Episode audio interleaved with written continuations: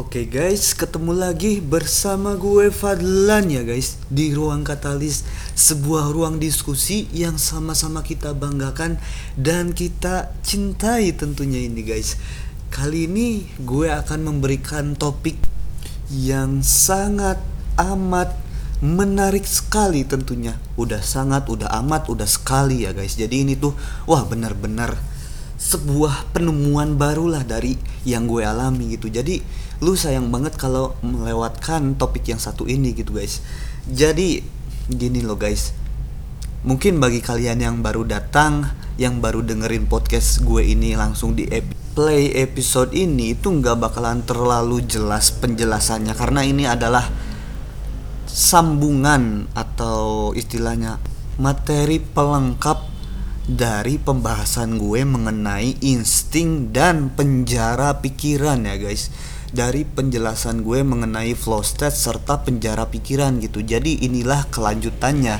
Inilah fakta yang belum gue ungkapkan gitu.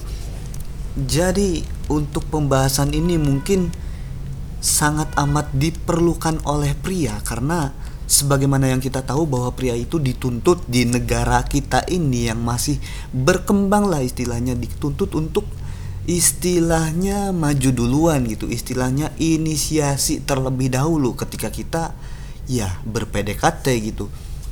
So jadi ini adalah sebuah materi baru sebuah materi yang fresh yang benar-benar gue excited banget untuk mengungkapkannya di podcast gitu. Jadi gue akan kembali menghadirkan intro gue gitu. Jadi udah lama banget gak pakai intro sehubungan ini materinya lagi bagus banget lagi greget banget pengen gue sampaikan. Jadi ya kita pakai intro lagi ya guys. So jadi kita akan langsung masuk ke pembahasannya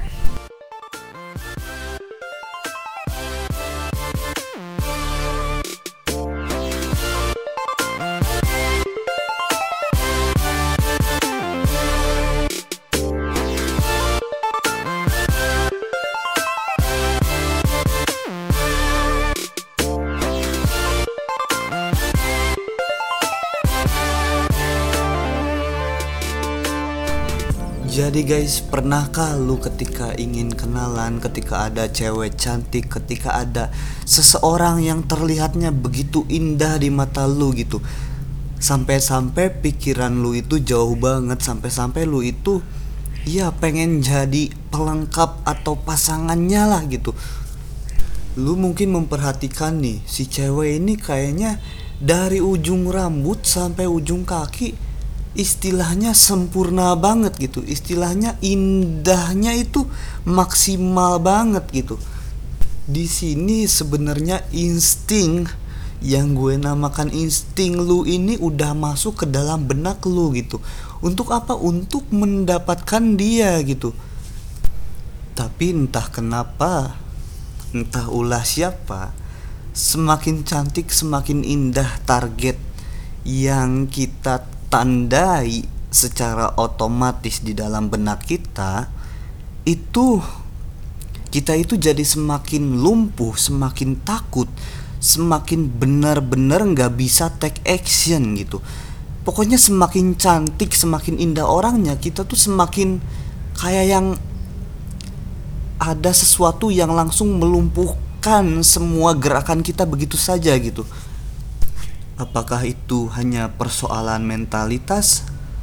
Apakah itu hanya persoalan penjara pikiran seperti yang telah gue bahas komplit banget di episode sebelumnya gitu? Itu ternyata setelah gue selidiki bukan hanya di sana permasalahannya. Banyak sekali faktor-faktor yang menjadi istilahnya pelengkap atau pendukung dari si penjara pikiran ini. Jadi mungkin si penjara pikiran ini masih ada di posisi yang inti di posisi yang krusial dan penting mengenai kenapa lu nggak bisa maju-maju. Ke cewek yang lu suka ini tapi pelengkap-pelengkapnya serta penopang penjara pikiran ini tetap berdiri itu banyak banget gitu guys. Jadi kita akan bahas ini secara pelan-pelan ya guys karena ya gue pun ingin ngobrol santai ketika apa? Ketika pembahasan gue kali ini ya cukup menarik gitu. Bahkan itu bagi gue sendiri gitu. So pada faktanya pada hakikat yang sebenarnya penjara pikiran hanyalah salah satu faktor di antara faktor-faktor besar lainnya yang mendukung seorang pria untuk benar-benar lumpuh tidak bisa action kepada seorang wanita gitu.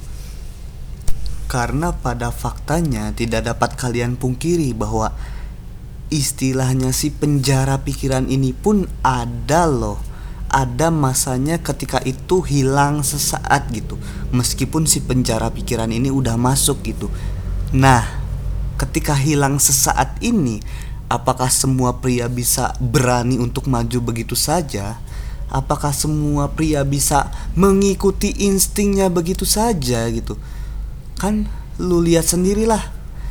Lu tetap tetap juga nggak mau maju ke cewek yang lu inginkan gitu. Lu tetap juga entah kenapa dilumpuhkan istilahnya begitu saja oleh alam semesta gitu. Itu kenapa gitu? Itu kita akan coba untuk membahas hal ini. Jadi di sini gue udah punya empat poin mengenai hal-hal faktor-faktor besar yang mendukung lu untuk merasakan yang namanya silent strike ini ya guys. Oh ya gue jadi lupa jelasin definisinya silent strike ini dulu nih. Jadi silent strike ini adalah sebuah keadaan ketika keinginan atau insting lu ingin mendapatkan seorang wanita yang lu inginkan itu ketika lu udah di hadapan si wanita tersebut tiba-tiba aja lu serasa dilumpuhkan udah nggak bisa ngapa-ngapain gitu. Bahkan ketika lu paksa melawan si silent strike ini itu lu akan ngomong gemeteran gestur tubuh nggak jelas bahkan mungkin bisa sampai salting juga cowok pun bisa salting gitu. Bisa sampai salting juga dan mungkin yang udah parah banget bisa sampai keringat dingin bahkan hilang kesadaran dalam sepersekian detik gitu. Nah, pria-pria yang biasanya terkena silent strike ini ketika dikomunikasi jarak jauh atau online itu nggak akan kelihatan gejalanya mungkin dia bisa aja tetap berani ngobrol via telepon tetap berani video call dan lain-lain secara lancar begitu saja seperti pria-pria yang sudah ahli pada umumnya gitu yang sudah ahli dalam hal romansa lainnya gitu. Tapi tapi nih ketika dia bertemu langsung dengan para wanita yang dia inginkan semua istilahnya keahlian dia yang sudah ditampakkan di dalam berkomunikasi online itu semuanya hilang begitu aja gitu. Semuanya sangat amat tidak sesuai kenyataan begitu saja gitu. Nah, pada faktanya menurut gua, menurut pemahaman gua dan yang gue alami sampai saat ini, itu faktor yang membuat kalian bisa untuk masuk ke dalam zona silent strike ini itu bukan hanya kepribadian doang gitu bukan hanya penjara pikiran doang bukan hanya sifat pemalu introvert bukan hanya itu doang gitu itu banyak banget gitu Oke, sekarang kita akan bahas empat aja dulu di sini. Barangkali di lain waktu gue punya istilahnya ide baru dari pemikiran gue ini, gue akan lanjutkan topik ini ke depannya gitu. Jadi langsung aja mungkin kita eh sebelum sebelum masuk ke poin nih gue jadi lupa lagi gitu apa yang mau gue sampaikan gitu. Gue ada satu hal yang lupa gue sampaikan jadi kenapa gue namain ini silent strike gitu? Jadi karena ini tuh adalah sebuah keadaan yang membuat lu tersilent, terdiam, tersunyikan begitu saja. Dan keadaan itu itu sebenarnya tidak lu inginkan, tidak lu undang, tidak lu request gitu kepada alam semesta. Tapi ini otomatis menyerang lu karena lu iya melakukan bukan melakukan karena lu mempunyai empat faktor yang akan gue sebutkan kali ini gitu.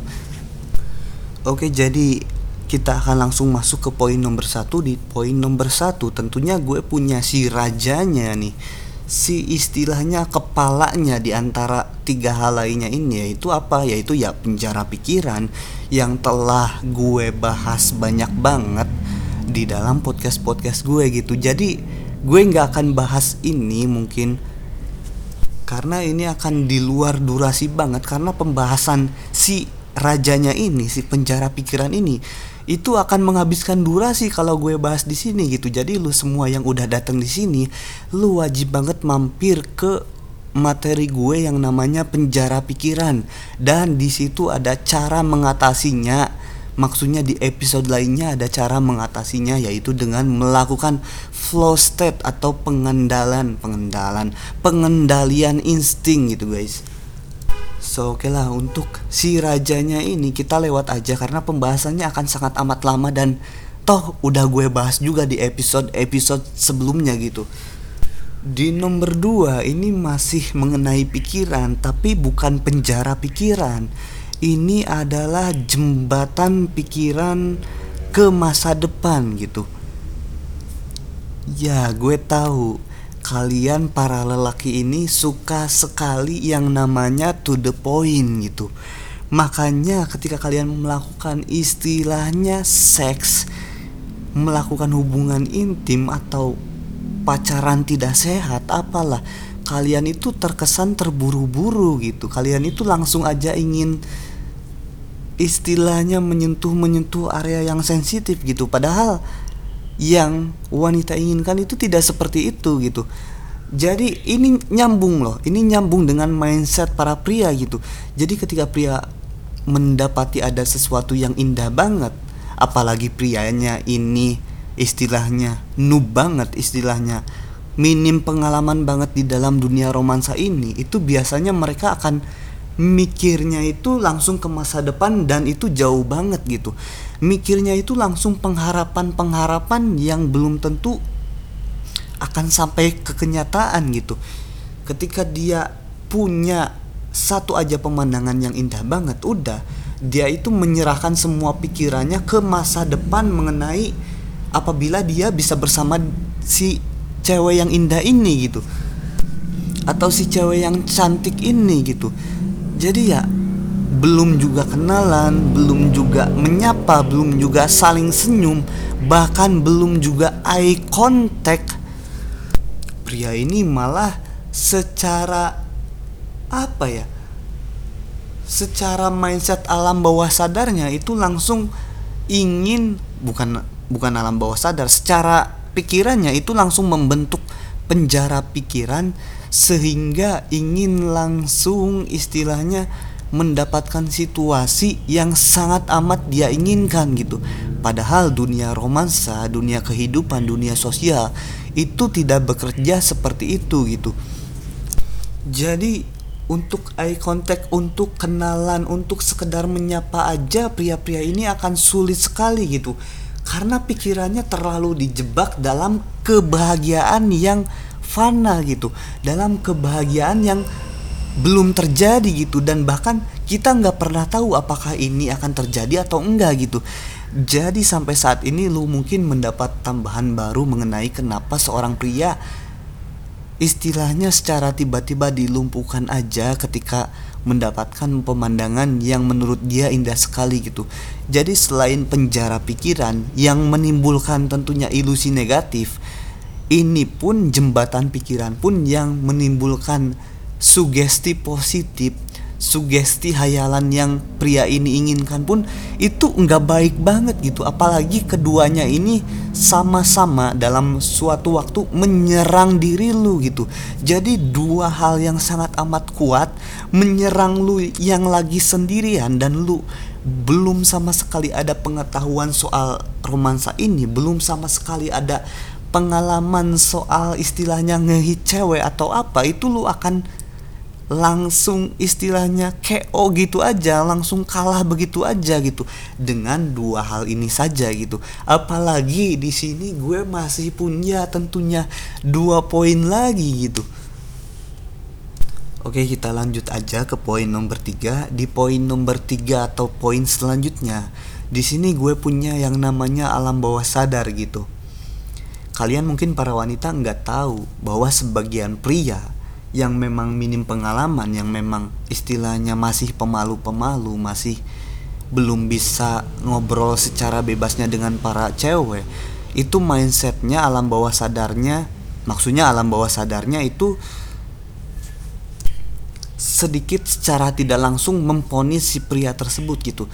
Jadi kadang-kadang gue menemukan beberapa teman yang mikirnya itu ah udahlah gue mah cuman cowok biasa gue nggak punya ketampanan gue nggak punya harta yang melimpah.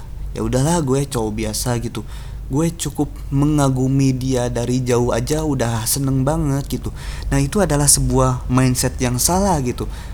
Kecuali lu mau terus-terusan lu istilahnya mau dikalahkan begitu saja oleh temen-temen lu yang berani gitu karena ketika beberapa kali lu ucapkan sesuatu hal-hal negatif itu biasanya lambat laun akan masuk ke dalam alam bawah sadar lu dan itu akan menjadi habitat atau kegiatan lu dan itu lama-lama akan menjadi karakteristik dari pribadi lu sendiri gitu.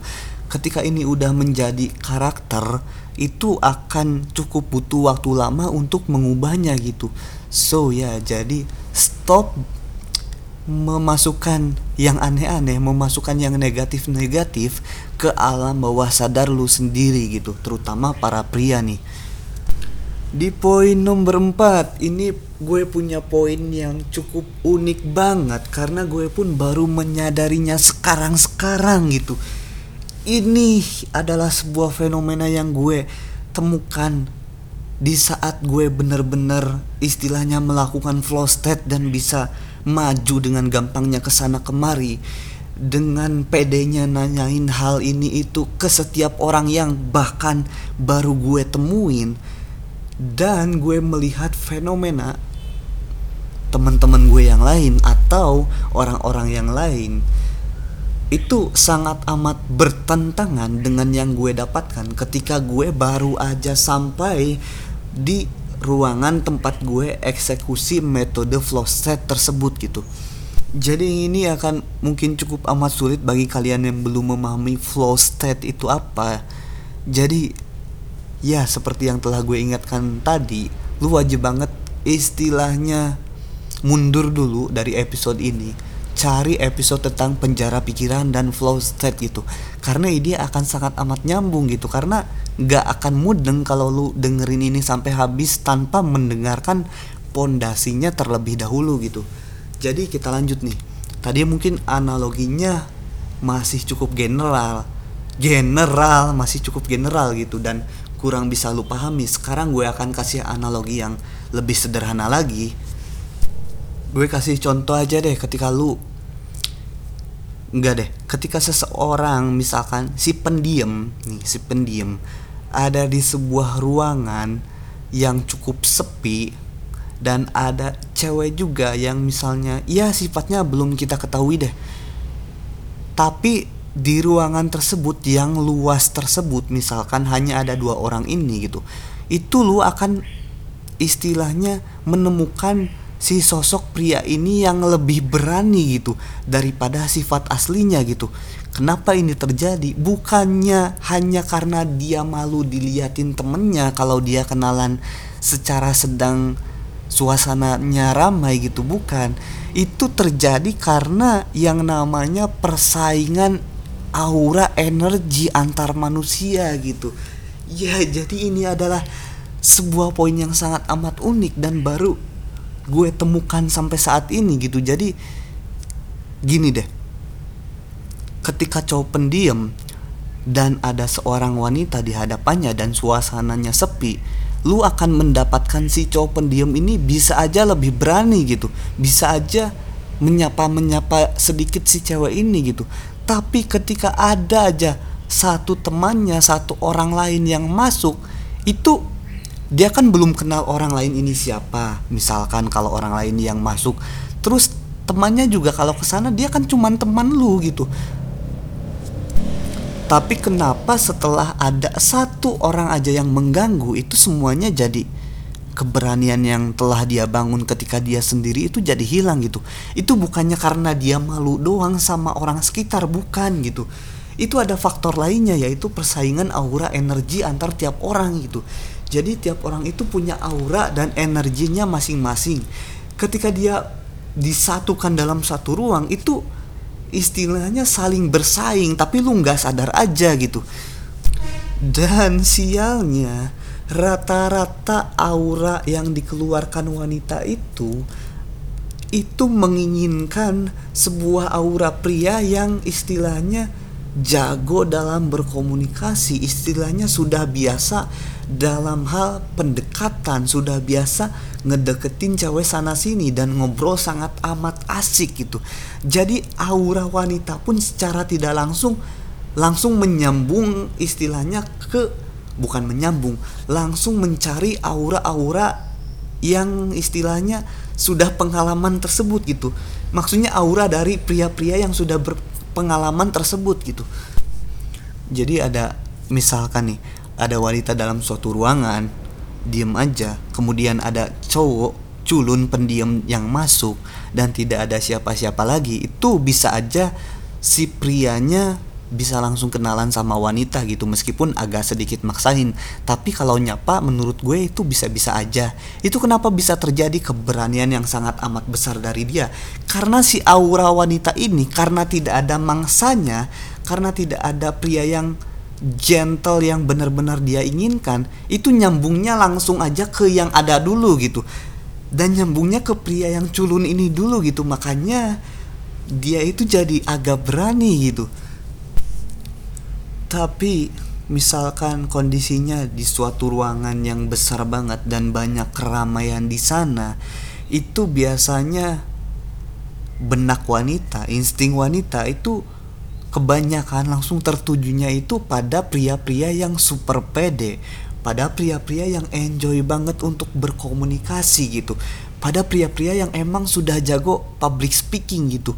Mau pria itu ganteng kek, mau pria itu burik kayak itu nggak peduli gitu itu yang penting aura mereka nya sampai gitu karena hal ini emang nyata gitu dan rata-rata memang tidak disadari oleh pria maupun wanita gitu jadi ketika ada satu orang aja yang aura kepedeannya atau percaya dirinya ini percaya dirinya ini tinggi banget masuk ke sebuah ruangan itu akan sangat amat langsung menjadi pusat perhatian dari ya aura si wanita gitu. Dan lambat laun dari aura pun itu langsung akan tumbuh istilahnya keinginan dari si wanita untuk ya dideketin sama pria yang super pede ini gitu. Makanya di saat gue istilahnya mewawancarai orang-orang di dalam podcast gue gue itu sering banget menemukan diri gue yang gugup diri gue yang enggak sepenuhnya flow state dan mengeluarkan aura gue sebisa gue sebisa gue ya maksudnya. Itu rata-rata uh, tanggapan pertamanya itu enggak terlalu bagus gitu. Itu rata-rata si uh, ceweknya ini terutama langsung mengeluarkan sifat defensif gitu. Beda halnya ketika gue itu langsung santai gitu langsung istilahnya kalem dalam berkomunikasi langsung pede total gitu aja gitu. Itu langsung semuanya hal positif yang gue dapatkan gitu. Malah gue semakin enjoy gitu menikmati kehidupan ini karena sebagaimana yang telah gue bahas di pembahasan insting sekali lu ngasih makan si insting ini itu insting akan memberikan semuanya hal yang lu mau gitu. Oke guys jadi mungkin itu adalah pembahasan gue kali ini. Ada tiga poin tambahan di sini. Ternyata ya bukan cuman penjara pikiran yang mempengaruhi lu untuk masuk ke dalam mode silent strike ini gitu. Ternyata banyak faktor-faktor lain yang mempengaruhi lu sehingga masuk bukan masuk sehingga silent strike ini menyerang lu gitu aja gitu Oke, makasih banget bagi yang mendengarkan episode ini sampai habis. Seperti biasa gue ingatkan jangan lupa share, karena gue yakin topik ini tuh sangat amat ya cukup langka dan bermanfaat lah jangan lupa share ke teman-teman lu yang sekiranya membutuhkan pembahasan soal ini soal romansa dan kehidupan pribadi ini karena ini adalah porsi-porsi istilahnya edukasi yang nggak akan lu dapet dari akademis kita yang resmi gitu terus kembali gue ingatkan untuk istilahnya yang mau cerita yang mau curhat yang mau gabung di dalam grup diskusi kita itu langsung aja request di instagramnya ruang katalis at r.katalis ya guys untuk selanjutnya gue akan kembali membahas pembahasan mengenai silent strike ini karena ini masih ada satu materi tambahan nih. Kenapa gue nggak bahas kalian di sini? Karena ini durasinya udah mau 25 menit, jadi nanti aja gue bahasnya di lain episode. So, jadi mungkin segitu aja dari gue. Sampai jumpa di episode-episode lain di ruang katalis yang tentunya akan terus semakin spesifik dan menarik membahas topik-topik yang utamanya pembahasan mengenai romansa gitu. So ya gue Fadlan di sini bersama Ruang Katalis seperti biasa mengucapkan bye bye.